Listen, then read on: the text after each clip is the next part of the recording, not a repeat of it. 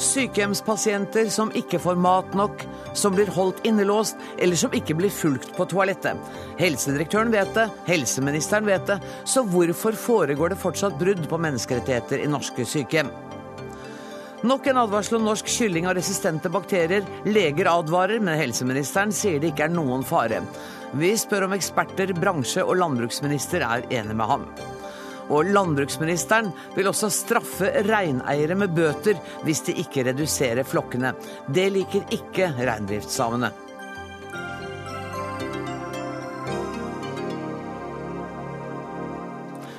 Dette er noen av sakene i Dagsnytt 18 denne mandagen, der vi også skal høre at Carl I. Hagen kjemper for sin politiske framtid på nominasjonsmøtet i Oslo Frp akkurat nå. Men aller først. Det foregår menneskerettighetsbrudd i stor stil på norske sykehjem. Det har NRK avdekket i en rekke saker det siste døgnet. Ulovlig bruk av tvang og medisinering uten samtykke for å holde beboere rolig. Dessuten grovere brudd som omsorgssvikt som fører til døden, seksuell utnyttelse, tyveri og neglisjering. Alt dette er dokumentert. Og dette visste du, helsedirektør Bjørn Gullvåg. Hva har du gjort med saken? Ja, vi har jo forsøkt å gjøre mye i løpet av de siste årene. Fra 2007 og frem til i dag så har det vært en stor opptrapping på omsorgsområdet. Og det har vært uh, gitt uh, lederutdanning, det har vært uh, kompetanseheving blant de ansatte. Det har vært gitt opplæring i demens, demensomsorg for 18 000 ansatte i helse- og omsorgssektoren. Utviklet utviklingssentre for sykehjemmene. Og, og gitt i det hele tatt mange ulike typer støttetiltak for å forsikre seg om at man får en riktig bevegelse eh, i eh, omsorgstjenestene våre. Og så har vi snakket mye om kvalitet, pasientsikkerhet og forsvarlighet i tilbudene. Det nye nå er kanskje det at vi bruker et annet vokabular, som vi da henter fra, eh, fra jussen og ser mer på menneskerettighetene.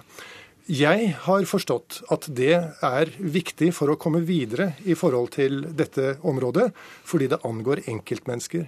Så, eh, og det, kommer, det, blir stadig tydeligere for meg at det å se enkeltmennesker og deres behov er kjernen i hva dette dreier seg om. Ja, for Jeg blir litt i stuss når du sier at dere har gjort en enorm mengde, satt inn en enorm mengde tiltak siden 2007. Og så tenker jeg at når jeg ser hva NRK har avdekket nå, så virker det ikke som disse tiltakene har vært 100 eh, treffsikre. Nei, det har du helt rett i. At uh, alt dette har ikke ført oss dit vi ønsker å være. Og eh, Vi må naturligvis eh, jobbe enda hardere og målrettet i forhold til dette. Det er uakseptabelt at eh, enkeltmennesker ikke møtes på en god måte. Kanskje det, dere må jobbe på en annen måte også, helsedirektør? Ja, kanskje det også. Vi, vi, må gå i oss selv og se hvordan vi skal jobbe. Og så er det viktig å huske på at dette er et kommunalt ansvar. Staten skal understøtte kommunene i dette arbeidet, og vi skal gi veiledning, råd og bidra til kunnskapsbyggingen. Men det er også et ledelsesansvar i kommunene og sikre eh, innbyggernes rettigheter. Hvordan det kommunale kontra det statlige ansvaret skal fordeles, skal vi snakke litt med helseministeren om etterpå. Men jeg må bedre ta på dere hodetelefonene, for vi skal snakke med Bjørn Lichtwark, som er sykehjemslege, eh, og han sitter i Trondheim. Og du eh, sitter også i styret for Norsk forening for alders- og sykehjemsmedisin. Det som NRK har avdekket de siste dagene, hvordan stemmer det med det du har opplevd ved norske sykehjem? Jo, det stemmer i grunnen eh, nokså treffende. Det som er problemet, er at det er altfor store variasjoner fra sykehjem til sykehjem, fra kommune til kommune. Der er en del sykehjem som driver veldig godt, har et høyt faglig nivå, men det er altfor mange som eh, driver eh, eh, egentlig dårlig og med lav kvalitet. Hva sier det deg om måten man behandler Dette var et litt ledende spørsmål. Eh, la meg spørre på en annen måte. Er det sånn at gamle mennesker behandles på en annen måte enn yngre mennesker? Det er det ingen tvil om. Hvis vi eh, ser på hva som tilbyr sykehjemspasienter i dag i forhold til bemanningsgrad, i forhold til frisk luft, dagslys, tett medisinsk oppfølging, medbestemmelse, aktiviteter, ferskt tillaga mat, det er et helt mye lavere nivå enn det vi tilbyr yngre, f.eks. Eh, personer som får tjenester fra omsorg i eh, forhold til psykisk utviklingshemmede, f.eks. Så det er, det er, en klar aldersdiskriminering ute og går nå. Men da handler det i mine ører ikke bare om en, en nødvendig kompetanseheving, men en måte å se mennesker på? Ja, Det er helt klart at i bunnen, når det gjelder bevilgninger til pleie og omsorg i norske kommuner, så ligger det nok et syn på at eldre, skrøpelige eldre har mindre behov for den form for tjeneste som jeg nevnte i sted, enn yngre personer har. Og det gir seg utslag i lavere bevilgninger. Budsjettbehandlinga i høst ser vi at mange kommuner legger ned sykehjemsplasser til et lavere omsorgsnivå i form av omsorgsplasser. Det økes ikke bevilgninger til eh, hjemmetjenesten. De siste 20 årene har det vært en faktisk nedgang i eh, både brukere på hjemmetjenestenivå for de aller eldste og på sykehjemsplasser. Helseminister Bent Høie, dette er ikke nytt for deg, men det er jo ikke hyggelig å høre dette?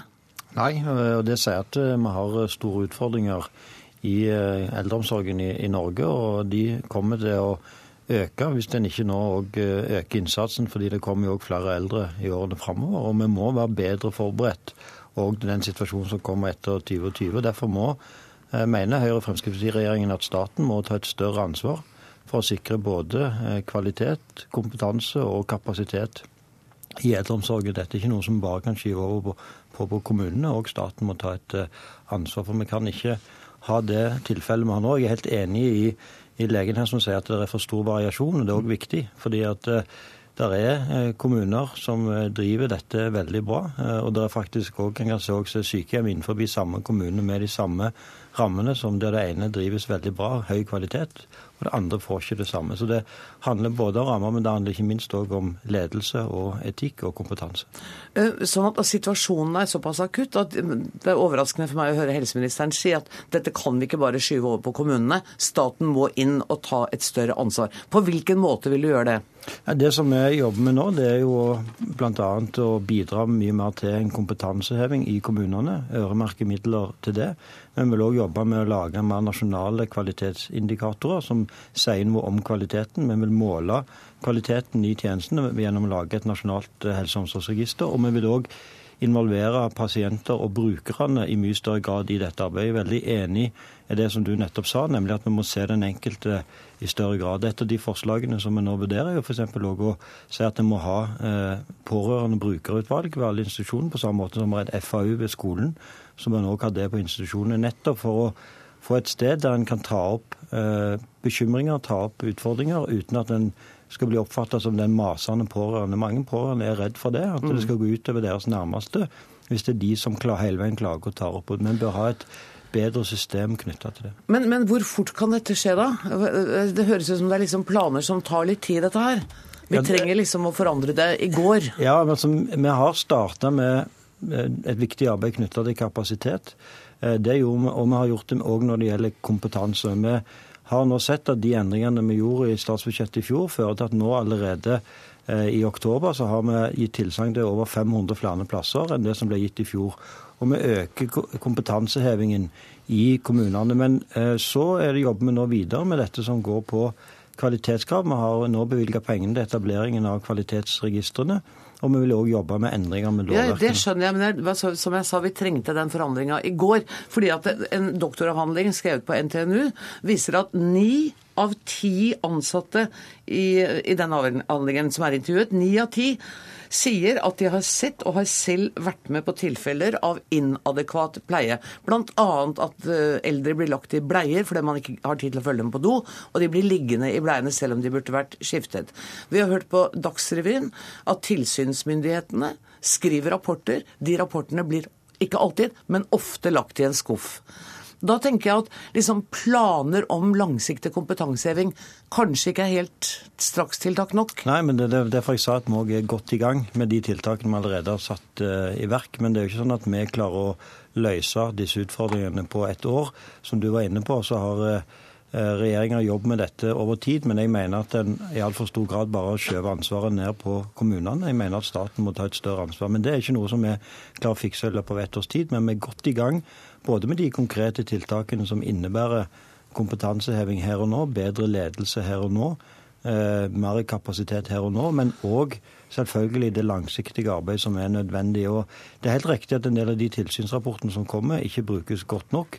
De konkrete lokale tilsynsrapportene de brukes, mm. eh, men det vi ser er at eh, de nasjonale tilsynene brukes i altfor liten grad av de, de som er politisk ansvarlige i kommunene.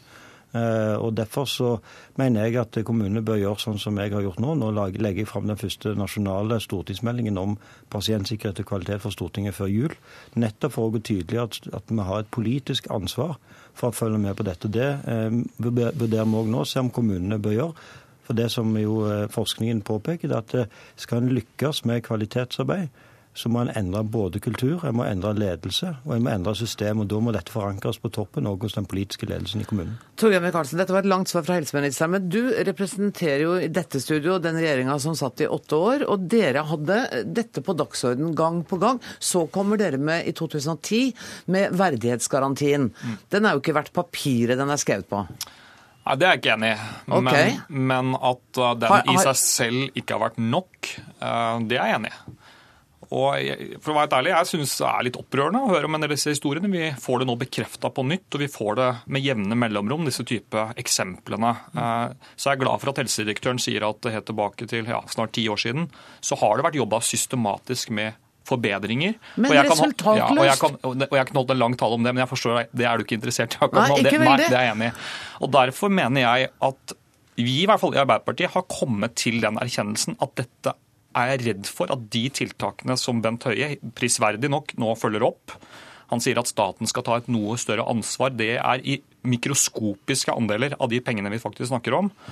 Så tror vi eh, at det er sterkere lut som må til, og at eh, det kommunene sier til oss, det er at det å bygge et sykehjem eller det å bygge en omsorgsbolig med høy faglig bemanning, det er ikke problemet. Problemet er det som kommer i årene som kommer etterpå, når du skal passe på, ta vare på, følge opp, god behandling, eh, og at, de verdige, altså at eldre skal ses. Og Da er da vi må stille oss spørsmålet skal en rik stat ta et større også økonomisk ansvar her. Jeg tror det. Mm. Og jeg kan godt si at vi burde gjort mer. Vi burde gjort enda mer tidligere. Men vi lagde altså rause investeringsrammer. Ingen kommune fikk nei. Kommunene har hatt mye bedre opplegg i de årene vi har bak oss, enn det de nå går inn i. Ja, Du kan riste på hodet, helseminister, men det er bare å spørre din egen finansminister. Det blir et år preget av hvert fall ikke fullt så bra som det har vært. Så jeg, nei, jo, men er jo, eh, altså jeg, jeg kunne holdt også et langt foredrag om hvor viktig det er å ha etikk, å ha god ledelse, eh, at det er forskjell eh, hva skal jeg si, institusjoner imellom. Men vi kommer ikke unna at til syvende og sist er dette spørsmålet om hvor mye er Norge, vi som samfunn, villige til å bruke av samfunnets samlede ressurser, av fagfolk og av penger, på at de eldre skal ha det bra. Og Jeg tror ikke vi bruker nok i dag, og vi må stålsette oss for å bruke mye mer i framtida. Det, det helsedirektøren sa som jeg, helt i begynnelsen som jeg syntes var veldig interessant, var at vi har begynt å bruke et annet språk. Vi har begynt å ta inn menneskerettighetssituasjonen. Eh, og det på en måte forsterker alvoret i den. Anine Kierulf, eh, nå er det brudd på menneskerettigheter ved norske aldershjem. Hva betyr det i praksis? Er det igjen bare noen ord vi sitter her og løfter opp i været i Dagsnytt 18-studio, eller kan det bety en forandring? Ja, Det er åpenbart noen ord som gjør at denne saken kommer på dagsordenen i en enda mer alvorlig tapning enn det den ofte ellers gjør, og det er jo eh, positivt. Jeg merket meg også helsedirektørens eh, Eh, holdt på å si, ønsking av velkommen av dette nye vokabularet. At det var nettopp gjennom det at man fikk øye på alvorlighetsgraden i denne problemstillingen. Og det er jeg glad for. Vi har jo hatt en maktutredning og mange andre som har eh, å si, disset dette rettighetsspråket en del. Eh, dette er et tydelig uttrykk for betydningen av nettopp det rettighetsspråket. Det gjør det mulig å se enkeltmennesket i det store systemet, som ellers nettopp blir et system. Eh, når man nå har fått konstatering av disse menneskerettighetsbruddene, så er jo ikke det for så vidt et nytt språk. Eh, Norge har vært bundet til denne eh, menneskerettighetserklæringen lenge, og den har også vært, hatt forrang for norsk rett siden 1999. Disse menneskerettighetsbruddene har jo også vært konstatert tidligere. Det at det kommer opp på dagsorden og får denne konsekvensen, er jo veldig positivt. Hvordan er prosessen videre? Altså, hva, hva innebærer det? Ja, det er fint at det kommer opp, og fint at vi kan snakke om det, men hva mer? Nei, eh, altså Dette er jo et stort kapittel, selvfølgelig rettsliggjøringsproblematikken. Men her er jo rettsliggjøringen stort sett oppstått fordi man har laget masse regler og trodd, man kunne styre primært gjennom det, og kanskje ikke gjort tilstrekkelig for å følge opp det som trengs for å få de reglene til faktisk ha et innhold. Eh, det som skjer når regler brytes, det er at vi har jo en tredje statsmakt som kan konstatere det. Mm. Det bør være en sikkerhetsventil. Det beste er jo hvis de utøvende myndigheter selv ordner opp i disse tingene. Men hvis Men ikke så kan man trekke det for retten? Man kan trekke det for retten, det høres veldig negativt ut. Man kan iallfall da få konstatert disse menneskerettighetsbruddene gjennom en rettslig prosess og mm, med en, en kompensasjon til de som er berørt. Og Det er jo heldigvis norske domstoler ganske flinke til å gjøre selv, så det er jo ikke noe slik at man må helt til Strasbourg for å få dette konstatert. Det Egentlig påhviler det alle statens myndigheter, men av og til må det til domstolene for at det skal få et tydelig nok uttrykk til at de andre statsmaktene tar det tilstrekkelig på alvor. Og du syns det er riktig ut fra ditt ståsted å bruke begrepet menneskerettighetsbrudd på det som skjer i sykehjem? Ja, men det er jo åpenbart at tar du livet av folk, så er det menneskerettighetsbrudd. Altså, dette trenger man ikke noe kompetanseheving for å forstå. Eh, det som er viktig, er jo at man skjønner at det faktisk også har rettslige konsekvenser av denne alvorlighetsgraden. Helseminister. Det er helt riktig at uh, mye av det som skjer, som er selvfølgelig er på kant og over det som er lovlig i forhold til helselovgivningen, er òg menneskerettighetsbrudd. F.eks. når en overmedisinerer eldre mennesker, når en ikke gir dem muligheten til å leve selvstendige liv, ta vare på sine interesser og sine hobbyer fordi om en bor på institusjon. Jeg tror veldig ofte sånn sett på sykehjem som i det siste som det, det er de aller sykeste sengeliggende pasientene, og de bor der i kort tid rett før de dør. Det er ikke tilfellet. Veldig mange bor lenge, mange år på sykehjem, ikke minst mennesker med demens. Nå har vi jo satt i gang et arbeid med en ny demensplan der vi gjør noe helt radikalt nytt. Nemlig at vi bruker Nasjonalforeningen for folkehelse til å invitere mennesker med demens inn i planarbeidet og gi sine innspill fortelle hvordan de opplever på demens, og komme med forslag til å forbedre, forbedre dette. Så synes jeg det er bra at Arbeiderpartiet nå er utålmodige. Mye av de forslagene som vi nå er i ferd med å gjennomføre, var de imot. Men hvis Arbeiderpartiet kommer opp med nye som man sier, radikale forslag, så skal jeg selvfølgelig vurdere de positivt. For vi er i utgangspunktet mer positive til at staten eh, må ta et større ansvar for å sikre kvaliteten i den kommunale pleie- og omsorgstjenesten. Jeg tenkte å gi de siste 30 sekundene til helsedirektøren. Du har sagt at du er alvorlig bekymret uh, over situasjonen. Er det noen grep du kan ta nå som kan, som i motsetning til helseministeren, som, som er planer og litt lenger fram, men er det noe som kan skje i morgen, da? Ja, jeg skulle jo ønske at jeg hadde det grepet. Og eh, jeg tror jo at uh, denne debatten som vi nå reiser, uh, vil medvirke til at uh, dette får en større oppmerksomhet. Og det er helt avgjørende at helsepersonellet selv mm. tenker på hva man gjør i disse situasjonene, og at ledelsen av virksomhetene er oppmerksom på dette hele veien. Og jeg vil innstendig oppfordre sektoren til å tenke gjennom disse tingene. Det er helt avgjørende for oss. Så det er, det er alvorlig, og vi må komme videre. Og vi kommer til å plage dere med å komme og diskutere dette igjen til det vi ser resultater. Tusen takk for at dere kom i dag. Bjørn Gullvåg, Bjørn Lichtwark, Bent Høie, Torgeir Micaelsen og Anine Kierulf. Dagsnytt 18 alle hverdager kl 18.00 på NRK P2 og NRK2.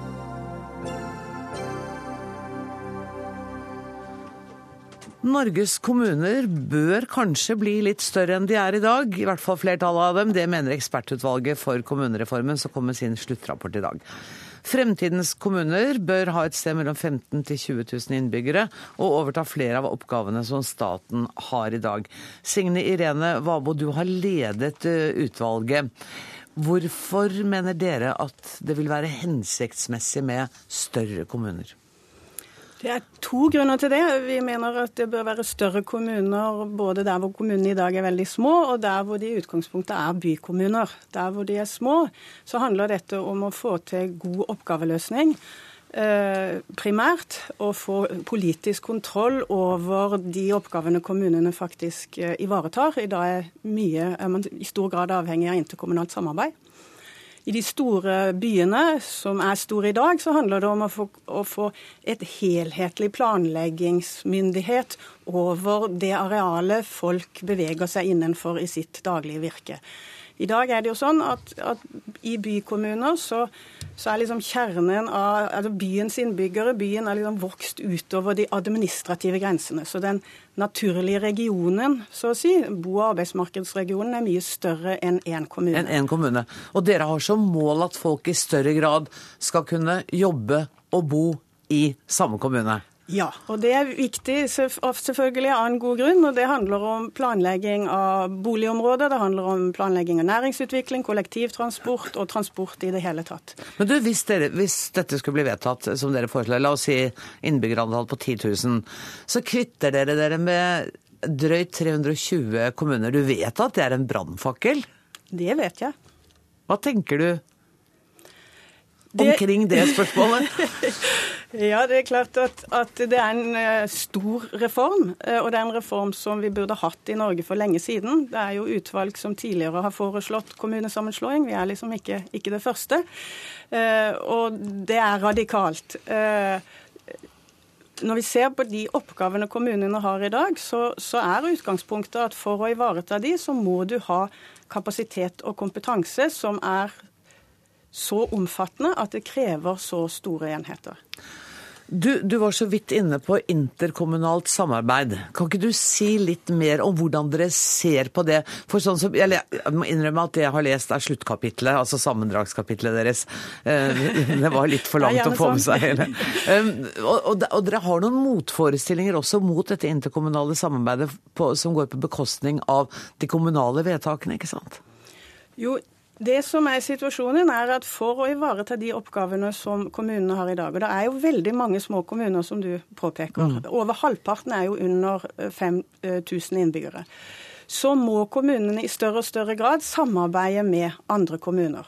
Og det er i og for seg vel og bra i veldig mange sammenhenger, men når det tiltar og tiltar og tiltar, og oppgavene blir større og større fordi de blir mer og mer spesialisert, så blir jo kommunen helt avhengig av andre for å ivareta sine oppgaver.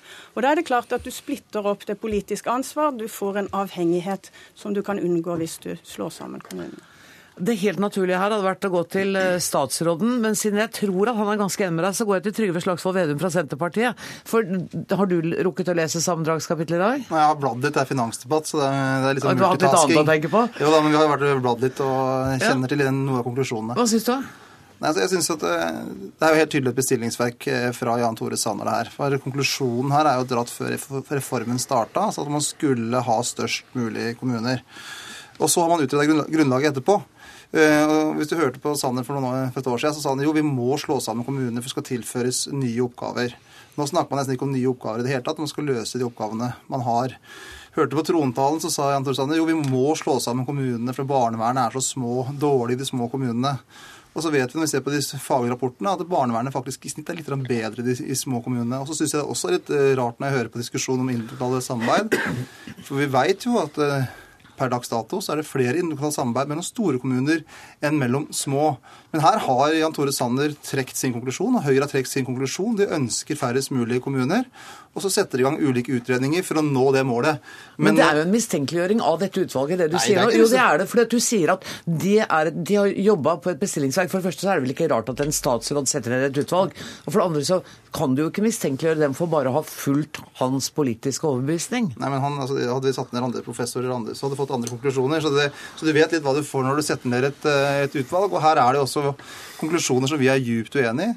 F.eks. at du nå skal opprette sånne flere Oslo-modeller rundt i Norge med sånne storkommuner med 100 000, at man skal overta måte, fylkenes oppgaver, og så skal det ha restfylker rundt. At du skal eh, få kommuner ned med 50, altså i snitt 15 000-20 000 innbyggere. Det vil gjøre at du kommer ned mot 100 kommuner i Norge. Mm. Det vil endre Norge radikalt. For vi har en finmaska kommunestruktur i Norge fordi at den norske geografien er finmaska. Mm. Og fordi at vi har hatt et mål om å ha nærhet til skole og omsorg og pleie nært der folk bor. Så det har vært et politisk valg. Mens Jan Tore Sanner han ser på Norge mer som en firkant og, og ønsker å sentralisere. og Det er det det prosjektet her er, og vi kommer til å stoppe det. Uh, Jan Tore Sanner, jeg vet at du ikke er så lysten på å snakke om hvor mange kommuner du ser for deg at Norge skal ha, men jeg prøver meg likevel. Mm. Er et hundretall noe du kunne tenke deg? Du har helt rett. Eh, jeg er ikke så opptatt av antall. Jeg er opptatt av eh, det tilbudet, tjenestetilbudet våre innbyggere får. Det er det denne reformen handler om. Eh, det handler om menneskene som bor i små og store lokalsamfunn, og hvordan vi kan sikre dem gode tjenestetilbud i dag og i tiårene som kommer. Det er nå 50 år siden sist vi gjennomførte en kommunereform, og Norge er forandret siden den gang. Kommunereformen handler ikke om å forandre Norge, det handler om at Norge er forandret. Eh, man forsøkte å gjennomføre en kommunereform på 90-tallet, fordi at allerede da så man at, eh, at fagmiljøene eh, i mange av de tjenestene som kommunene gir, var blitt for sårbare. Da stoppet opp. Man forsøkte også på begynnelsen av 2000-tallet, da stoppet det også opp. Nå stopper det ikke opp. Nå blir reformen gjennomført. Men nå sier han jo, det. Men, men, men, det er heldigvis ikke Slagsvold Vedum som ser bakover, som skal avgjøre dette. Det er kommunepolitikerne og ordførerne rundt omkring i Norge fra alle partier har nå satt i gang. Eh, for de ser at det er noen utfordringer som ikke går over. De ser at de kan realisere muligheter. Eh, så, så ordførerne har startet opp. Over 250 er allerede i gang. Eh, kommuner har varslet at de vil søke om sammenslåing allerede i løpet av våren. Det viser at de tar lederskap. Og så har jeg sagt at, at jeg kommer heller ikke til å stille noe krav om hvor mange innbyggere det skal være i en kommune. Så det vil finnes småkommuner i Norge? Ja, det kommer til å finnes småkommuner også i fremtiden. Og, og Det er det punktet hvor jeg er enig i Slagsvold Vedum, at reformen må ta hensyn til Norges mangfoldige geografi. Men når det er sagt, så har eh, ekspertutvalget et godt faglig grunnlag for sine eh, konklusjoner, og det blir dypt useriøst av Slagsvold Vedum å forsøke å fremstille det som et bestillingsverk. Ja, men Jeg har hjulpet deg med den argumentasjonen allerede. ja, jeg, har behov for, jeg har behov for å si det, for det handler noe om, om å også vise respekt eh, for noen av de fremste på dette feltet i, i Norge. Og da fremstilles som et bestillingsverk, det er useriøst. Han kan godt være uenig, men det er et seriøst og godt uh, produkt, og det er det vi nå skal jobbe videre med. Det blir småkommuner også etter kommunereformen, Slagsvold Vedum? Ja, men reformen eh, bygger på helt feil premisser. Altså Premissen er f.eks. at tjenesten er mye dårligere i små kommuner enn i store kommuner. Og det er jo faktisk feil. Og Hvis du spør folk, da Nå tror vi kanskje at Sanner syns det er litt gammeldags å spørre folk, og folkestyret er litt, er litt ut. Men altså, når vi spør folk i den store statlige innbyggerundersøkelsen, så er jo folk mest fornøyd med nettopp pleie og omsorg, som var tema her i stad, og, og tjenestene for oppvekst i de små kommunene, ikke de store. Og det som forundrer meg, er at hvorfor er ikke Sanner mer opptatt av tjenestene i de store kommunene, der man også har veldig store utfordringer i barnevernet. Og det er jo veldig rart at når man sier at barnevernet er dårligst i små kommuner, og den eneste kommunen som har fått ekstrabevilgning i budsjettforliket i Stortinget, det var Oslo. For her har barnevernet ekstra store utfordringer. Men konklusjonen er dratt. Så for det gjelder både barnevern og grunnleggende tjenester, så er folk i stort mer fornøyde i små, og de faglige rapportene sier at tjenestene er bedre i små enn i store. Og hvis IKS er det store problemet, hvorfor er det sånn da i dag at det er de største kommunene som har flest samarbeid? Da, da burde vi diskutert IKS. Hvordan kan vi gjøre, noe, ja, og hvordan kan vi gjøre de samarbeidene mer? Hvordan kan vi gjøre de mer åpne? Men, men Sanner har én konklusjon. Det er å gjøre ting større, og da tror han det blir bedre, og ofte blir det dårligere. Skal vi høre hva Sanner sjøl sier? Ja, han er opptatt av å gjøre ting bedre. Eh, og jeg spiller på lag med et, eh, et klart flertall i, i, Stortinget, og også på lag med det brede flertallet i, i Kommune-Norge. Jeg er opptatt av at tjenester skal bli bedre. Og det er en, det er en realitet. Det er en realitet at fagmiljøene innenfor de spesialiserte tjenestene, og da snakker vi om barnevern, PPT, er veldig sårbart i mange av de små kommunene. Men det sier han er uriktig, så her har dere forskjellig faktagrunnlag, tror jeg. Nei, vi har lest samme rapporten, eller jeg har i hvert fall lest den. Og det den rapporten sier, det er først og fremst at de små kommunene er helt avhengig av interkommunalt samarbeid for å levere gode, gode tjenester. Og det jeg mener er et problem, det er den sentraliseringen av makt som har skjedd mens Senterpartiet har sittet i regjering, hvor stadig flere interkommunale samarbeid innebærer at du flytter makt og ansvar ut av kommunestyresalen, at staten styrer stadig mer i detalj. Det er en sentralisering av makt. Jeg tror på lokaldemokratiet, jeg tror på det lokale selvstyret, og jeg vil flytte mer makt og ansvar til kommunene. Det er litt i samme tråd som det Vabo og jeg snakket om i stad. Ja, ja, da, og, og, og, og, mye av de analysene og, det faktagrunnlaget som ligger i rapporten, kommer vi til å se videre på. Det jeg syns var særlig interessant i dag, det er at rapportene også så tydelig eh, kommuniserer byregionenes utfordringer. Vi har snakket mye om de små kommunene, men kommunereformen er vel så viktig i og rundt de store byene. Byene våre vokser, eh, og vi har behov for det eh, å, å, å, se områdene mer under, under ett, slik at de også kan ta grep om sin egen utvikling og forberede seg på den store veksten som kommer. Ja, og Vi tror at eh, f.eks. kommuner som bærer masker, vil bli mer ineffektive kommuner hvis de blir slått sammen. For vi vet at det er mange stordriftsulemper i store systemer. Og det tror tro at en del av de kommunene rundt Oslo som har fra 20 000 til 70 000 innbyggere, blir så mye bedre bare de blir slått sammen, det er helt grunnleggende feil. For noe av utfordringene når det gjelder bl.a. pleie og omsorg, er at du har en del stordriftsulemper. At mennesker blir mindre jo større systemene blir. Men Høyre har en sånn blind tro på, akkurat som en fabrikk. Bare du gjør kommunen stor nok, så blir den bedre. Sånn er det selvfølgelig ikke. Jeg tror Asker er bedre som kommune alene enn sammen med Bærum. Det er nå i hvert fall hyggelig at, eh, at Senterpartiets leder synes at en kommune på 70 000 innbyggere som Asker har, og 120 000 som Bærum har, er OK. Men, ja, men, men merker, meg jo, jeg merker meg jo også at at en person som, eh, som Kolbjørn Almlid, som er en Senterpartihøvding i Nord-Trøndelag, han var tydelig ute og foreslo sammenslåing av fire kommuner i Nord-Trøndelag. Og hans begrunnelse var enkel.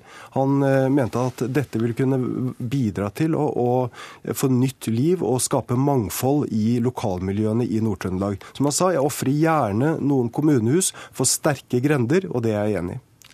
Ja, men Vi har et mangfoldig parti, og det er veldig bra. og Vi har gjennomført også flere av de siste kommunesammenslåingene. Men da må det skje nedenifra, for at man ser et lokalt behov. Ikke for at man sitter her i Oslo og tror at man vet så mye bedre enn de der ute. Ja, nå skjer det nedenfra, og ja, kommunene er takket være at dere prøver å presse gjennom. Hvor fort vil vi se det endelige resultatet av dette, Sanner? Jeg mener jo at det har skjedd veldig mye veldig raskt, og det viser jo at reformen er overmoden. Ja, Men når vil vi liksom Jo, men 250 eh, kommuner er allerede i gang, og de første kommunene har varslet eh, at de vil eh, søke om sammenslåing sammenslåing allerede i løpet av våren 2015. Og jeg tror det kommer til å bli et mageplask. Tusen takk skal dere ha for at dere kom, eh, alle sammen. Trygve Slagsvold Vedum, eh, Jan Tore Sanner og Signe Irene Vabo.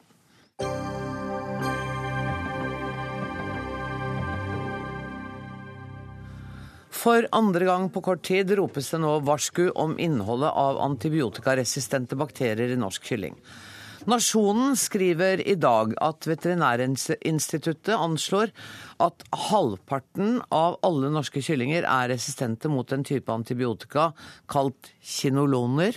Er det riktig? Eh, frykten er at de kan smitte over fra kylling til menneske, og menneskene kan dermed bli immune mot livreddende antibiotika. Dag Berli, du er overlege ved Oslo universitetssykehus. Du har forsket på antibiotikaresistens i 20 år. Hvor alvorlig er situasjonen? Kom litt nærmere mikrofonen, så ja. hører jeg bedre. Nei da, altså. Det er ingen grunn til eh, stor panikk, altså. Men eh, det er veldig greit at eh, problemet blir tatt fatt i. Mm. Og jeg kan jo ta litt historikk. Gjør det. Fordi at i gamle dager så hadde man ganske små besetninger på norske gårder. altså F.eks. kyllinger. Man hadde en 10-20 kyllinger som gikk og tuppa rundt på tunet. altså. Mm. Men så er det det industrialiserte landbruket kommet da med tusenvis av kyllinger. Og i, for ca. 20 år siden så droppa man norske avlskyllinger. Fordi man importerte noen utenlandske kyllinger som vokste raskere og bedre og ga bedre kjøtt. Men det man ikke visste den gangen, det var at de avlskyllingene som man importerte, de var blitt behandla forebyggende med antibiotika. Og så hadde de med i tarmen sin antibiotikaresistente bakterier. Og det er de vi nå har klart å avdekke, eller Veterinærinstituttet har klart å avdekke. Og de har gjort det fordi de har fått nye og bedre metoder til å oppdage de resistente bakteriene. Så anslaget viser at det er kanskje i så mye som halvparten av norske kyllinger ja, Jeg har ikke lest Nasjonen i detalj, men det, det, er jo mye, de har også andre typer resistente ja. bakterier i kylling. Ja, og det er også funnet, disse bakteriene, disse eh, bakteriene er også funnet i kalkun, ifølge Nasjonen. Ja, ja. Um, da må jeg spørre deg som husmor på kjøkkenet, er, er, det trygt å spise kylling? Ja, jeg tror det. Og jeg spiser selv kylling. Altså, det er jo livsfarlig å leve, vet du. så, så det, det, det, gjør jeg. Altså, man kan selvfølgelig bør kanskje være forsiktig når man skjærer opp kylling og, og vasker skjærefjøla, vasker hendene når man er ferdig. Og man koker og steker og griller kyllingen, så da dør jo mikrobene da. Så jeg gjør det med største sinnsro da. Men er det sånn at hvis kyllingen har vært frosset, så er bakteriene borte? Ja, Det vet jeg ikke noe om. Jeg regner med at de kanskje dør. Det, det vet jeg ikke noe om. altså. Um, Ola Nafstad, du er fagdirektør i Animalia, kjøtt- og fjørfebransjens forskning og kompetansesenter. Er du enig i den virkelighetsbeskrivelsen vi får her? Ja, i all hovedsak er jeg enig i den virkelighetsbeskrivelsen Dag Berger. Han trekker jo opp litt skremsler rundt at norsk kyllingproduksjon generelt er industrialisert. Der er den ikke det, da? Mer nyansert syn. Eh, det er en intensiv produksjon. Eh, den er definitivt veldig annerledes enn for 50 år siden. Men den er nok samtidig den minst industrialiserte kyllingproduksjonen i den vestlige verden. Men hvis det viser seg, altså Nasjonen skriver i dag at eh, det kan være så mye som halvparten av norsk kylling som har denne mm, antibiotikaresistente bakterien, hva gjør dere med det? Ja, som Beril sier, så er jo dette kunnskap som har kommet eh, de siste åra. Først denne ESBL-bærende E. coli, og nå kinolonresistens. Og Det har kommet som en følge av nye metoder, som Beril også sier, på Veterinærinstituttet. Dette har sannsynligvis vært på omtrent samme nivå lenge, og så er ny kunnskap avdekka det. Så Det har vi tatt tak i ved å etablere en handlingsplan i fjørfenæringa som eh, overvåker langt utover det det offentlige gjør.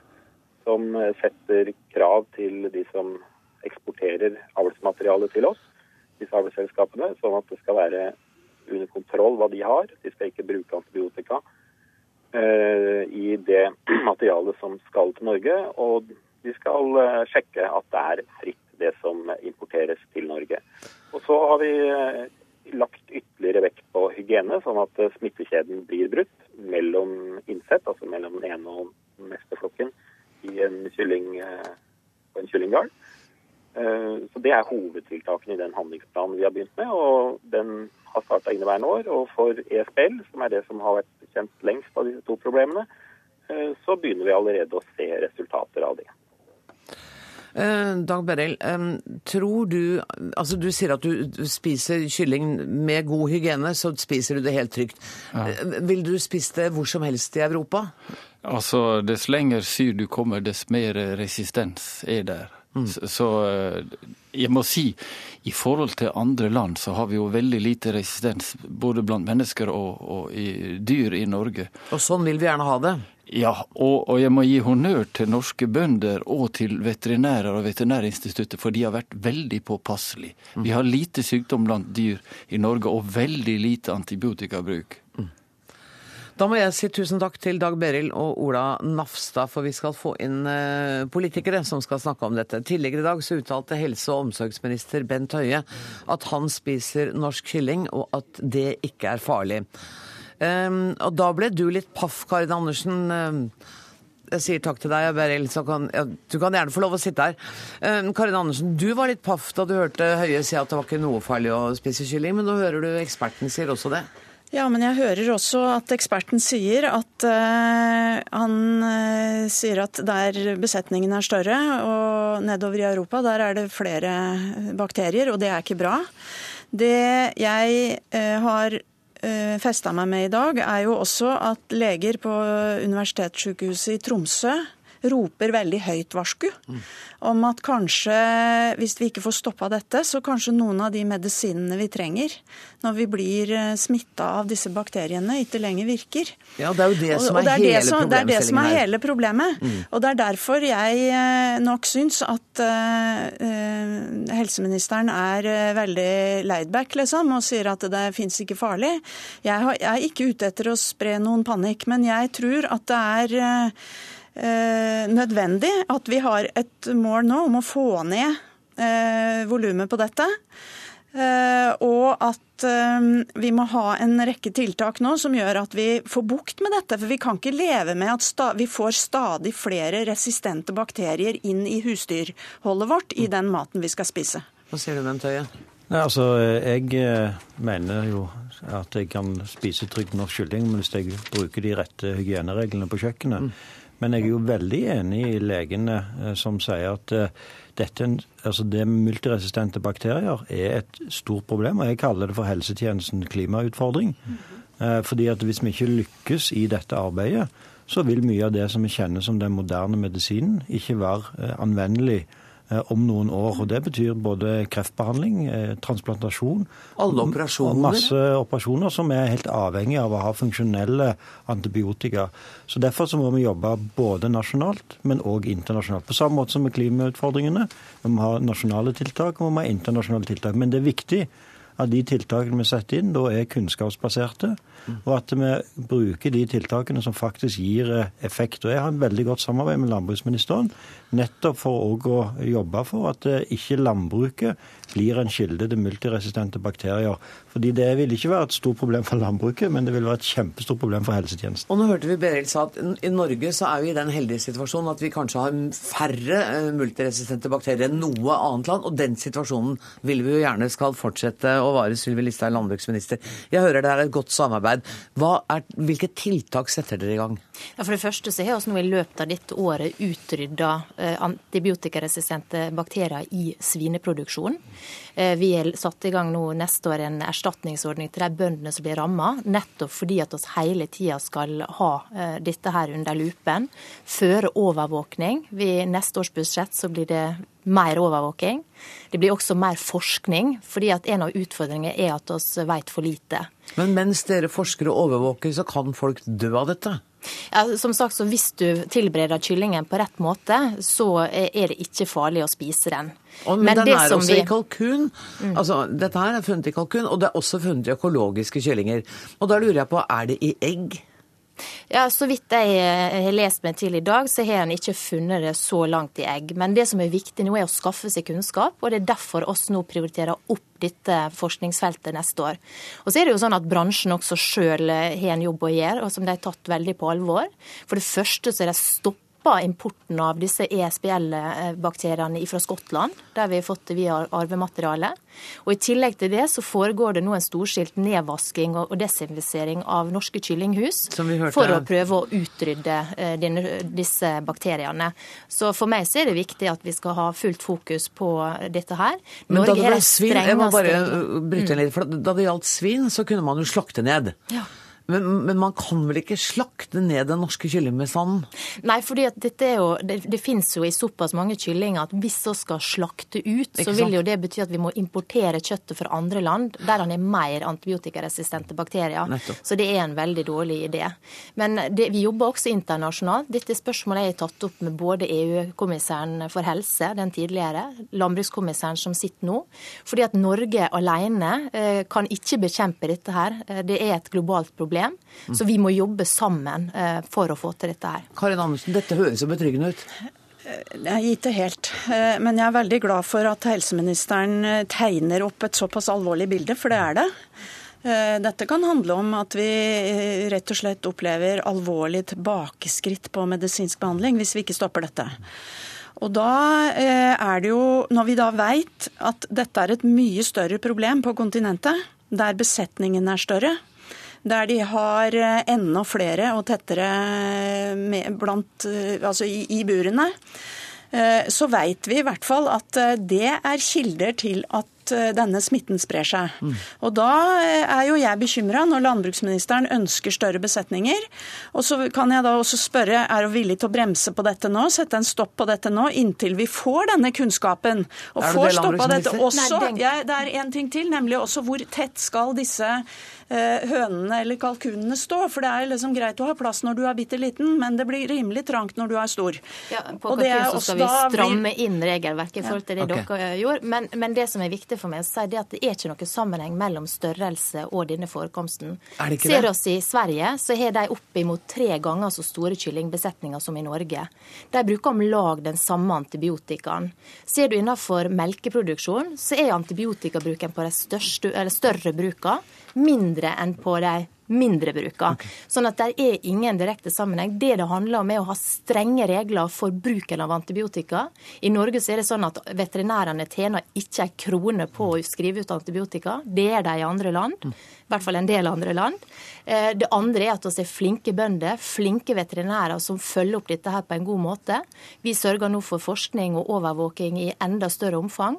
Og det mener jeg er viktig for at vi fremdeles skal være best i klassen på dette området i Norge. Tida renner litt ut for oss. Kan du være kort, eh, helseminister? Ja, og Norge har en eh, unik mulighet til å spille en rolle internasjonalt i dette arbeidet. og Derfor så har jeg sagt at i mitt arbeid som helseminister så er det dette som er den prioriterte saken når jeg jobber internasjonalt. Det som vi har f.eks. klart i norsk oppdrettsnæring, er jo pga. innføring av vaksine å redusere bruken av antibiotika til et minimum. I motsetning til f.eks. en del av de eh, fiskevarene som vi importerer fra Asia, Scampi og andre, der en eh, nærmest heller antibiotika i vannet. Men kan man gjøre det eh, samme med kylling? da? Derfor så må vi nettopp, med Vår rolle kan være å bidra okay. med kunnskapsutvikling på dette området. Og så har vi òg hvert enkelt av oss et ansvar. Jeg sier, Når fastlegen sier at du ikke har bruk for antibiotika, mm. respekter det. Eh, det brukes òg for mye antibiotika i eh, behandlingen av eh, oss, og da må vi stole på fastlegens vurdering. 30 sekunder, Beryl, på er, det, er faren for at norsk helsevesen kan komme i store problemer pga. dette, er den reell? Ja, den er reell, altså. Jeg har jo arbeida systematisk med det her i 20 år, og vi er en gjeng dedikerte forskere som gjør det. Og, og hittil så har vi lykkes så noenlunde, men det er farer. Og vi tar også med oss resistente mikrober når vi reiser til Asia og andre steder. Mm. Det er norsk forskning som har vist f.eks. at kommer du med turistdiaré fra India, mm. så har du faktisk kanskje 10% ESBL-produserende bakterier i, i tarmen. altså. Vi må uh, vaske hendene våre og vaske kjøkkenutstyret. Men et, som dere alle sier, vi kan fortsatt spise kylling hvis vi ivaretar hygienereglene. Tusen takk for at dere kom i studio. Jeg er nødt til å kaste dere ut. Karin Andersen, Sylvi Listhaug, Bent Høie og Dag Beril. Hør Dagsnytt 18 når du vil. Radio NRK Radio.nrk.no.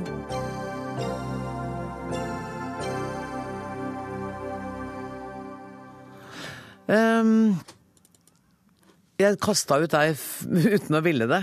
Vi skal snart snakke med Carl I. Hagen, fordi at om noen minutter så overraskende vant han kveldens kampvotering om plassen om, som listet opp i Oslo Frp under neste års eh, kommunevalg. Men før vi snakker med Carl I. Hagen, så skal, om, skal vi snakke om rein. For reinsdyrflokkene på Finnmarksvidda de må bli mindre, det mener landbruksministeren. Dyra er underernærte, mange av dem, og kjøttet har i noen tilfeller blitt kasta fordi det ikke egner seg som menneskemat. Og nå trues reineierne med bøter om de ikke reduserer størrelsen på flokkene. Og det syns ikke reineierne noe om, men først landbruksminister igjen. Hvorfor er det nødvendig med bøter, og med relativt store bøter? Det er fordi dette dreier seg om en dyretragedie som har fått eh, holde på i altfor mange år på Finnmarksvidda. Der mange har for mange rein, som betyr at eh, de svelger i hjel. Eh, og som betyr at dyrevelferden ikke er ivaretatt. Det betyr også at det er vanskelig å få til en økologisk bærekraftig produksjon. Eh, slik at eh, jeg mener at det nå er på tide å følge opp det som reindriftslova fra 2007 sier, nemlig at hvis eh, næringa sjøl ikke har tatt tak, ja så må det kraftigere virkemidler på plass. Da må han få bøter. Og vi må også tette hull når det gjelder overføringer til de som ikke følger regelverket. For for meg så handler dette om å ivareta disse dyra. Mm. Og, og helt sånn grovt sett så handler det om at det er for mange dyr til det beiteområdet som er tilgjengelig? Det er det. Det var 40 000 dyr for mye i 2012. Nå er vi eh, nede på rundt 20 000 ifølge de siste uh, oversiktene. Men vi skal ned da 20 000 til innen april neste år. Og det håper jeg virkelig at næringa nå tar tak i. For det er dette ikke bra for næringa, det er ikke bra for dyra, og det er heller ikke bra for, for samfunnet for øvrig. Elinor Marita Jåma, du er leder av Norske reindriftssamers eh, landsforbund. 20 000 dyr til eh, skal være ute av produksjon før eh, sommeren. Hvordan ser du på det? For det første så vil jeg bare understreke det at reindrifta er ikke imot at det skal reduseres. Det må ikke skapes et bilde av at vi, vi stiller oss og er imot denne prosessen. For det er en enighet enighet om at reintallet i deler av Finnmark, det vil jeg òg understreke, mm. at det er i Vest-Finnmark, i enkelte distrikter, hvor reintallet er for eh, høyt. Og jeg syns det å dra det veldig langt at det over lang tid har vært en dyretragedie, og at rein svelter i hjel. Det å forvrenge bildet. Ja, eh, det er i enkelte områder så er det for mager rein, men det er langt ifra eh, sannheten på at det er eh, noen ting som gjelder for, eh, for hele eh, Finnmark. Eh, vi har stilt oss positive til å være med å bidra til en konstruktiv prosess eh, for å få ned reintallet. Men den største tragedien i dette her er egentlig håndteringa fra regjeringas side. Nå kan ikke Listhaug stå til ansvar for det tidligere regjeringa har gjort, men hun kan være med nå i den posisjonen hun har, til å bidra konstruktivt framover. Og det er det vi har fokus på. Fordi at det er sånn at det er mange faktorer som spiller inn her. Ja, det er 20 000 dyr for mye, men samtidig så må vi òg eh, få eh, forutsigbarhet i det her òg. Hva skjer etter? Etter den 31. i 3. 2015. Vi vet ingenting om hva eh, som skjer da.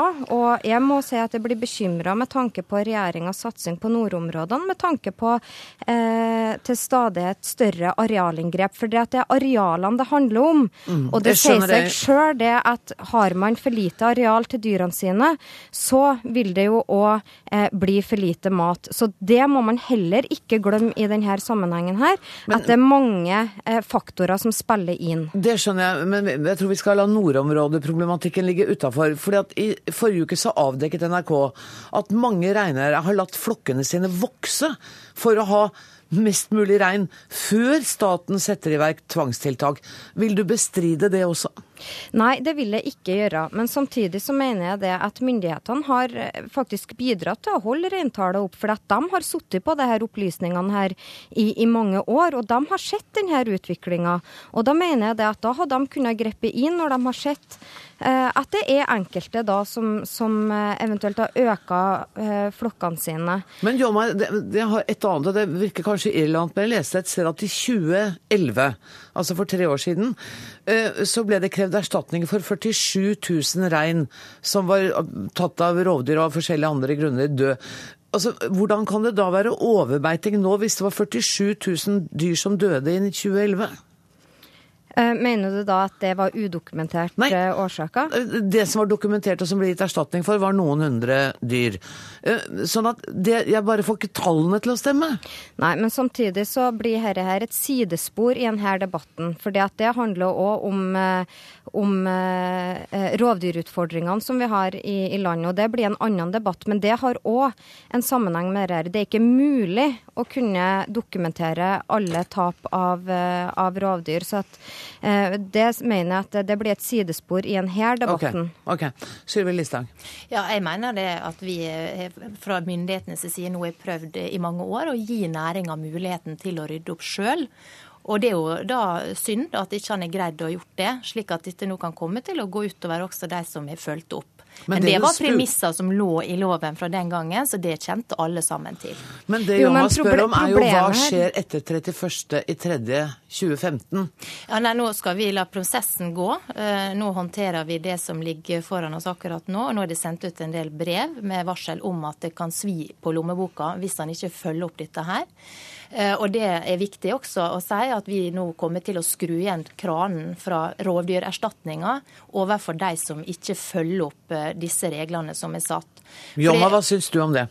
Nei, det syns jeg ingenting om. For det er en eh, dobbeltstraff. Uh, og det er på, på sida om, mener jeg. Fordi at uh, sjøl selv om man har et for høyt reintall, så vil man jo likevel ha store tap. Og da, da blir det jo en dobbeltstraff, både i form av at man nå får det her kravet om, om bøter. I tillegg så skal man da straffes fordi at man taper rein til rovdyr i en slakteprosess òg. Sånn at eh, jeg er fullstendig uenig til at man skal straffe, altså dobbeltstraffes, eller òg mm. trippelstraffes. Men det som jeg vil understreke, det er det her at jeg mener det at vi må stoppe opp litt nå. Vi skal ikke stoppe prosessen. Men jeg, men jeg syns det er viktig det at både landbruksministeren og NRL skal bidra alt det vi kan, og gi landbruksministeren og eh, gode eh, innspill på hva man kan gjøre videre. Fordi at det som er fullstendig, eller som ødelegger, og som gjør denne prosessen så vanskelig, det er nettopp det her med forholdsmessig reduksjon. Nettopp. Og der må jeg gi siste ordet til, til Listhaug. Altså, øh, Jomma vil ha en god dialog med dere. Er du villig til å Absolutt, ja. det ønsker jeg virkelig. Og jeg ønsker å få gode innspill. Men det viktigste nå det er å sørge for at reinsdyra i Norge får et godt liv, og at ikke de svelger i hjel, og at vi har en bærekraftig næring i åra som kommer. Tusen takk skal dere ha, både Sylvi Listhaug Listhaug og Elinor Marita Ljåma.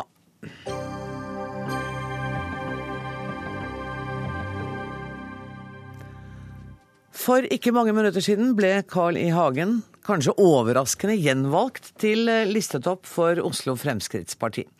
Det ble bråk da nominasjonskomiteen ikke hadde innstilt Hagen som førstekandidat til kommunevalget, men derimot fylkesleder i Oslo Frp, Camilla Wilhelmsen. Men på kveldens nominasjonsmøte på Håndverkeren i Oslo sentrum vant Hagen kampvoteringen. Og reporter Silje Landsverk, du var til stede på møtet. Hvordan var stemningen, og hva skjedde? Jo, her har det vært eh, høy temperatur i kveld. Som venter på forhånd, så kom det altså et benkeforslag Dermed ble det kampvotering mellom eh, Frp-nestor Carl I. Hagen og Camilla Wilhelmsen, som var innstilt som toppkandidat fra nominasjonskomiteen. Og nå er eh, spenningen utløst, Silje. Jeg vet ikke, Har du Carl I. Hagen i nærheten av deg, så jeg kan få et par ord med ham, tror du? Det har jeg. En svært fornøyd Carl I. Hagen.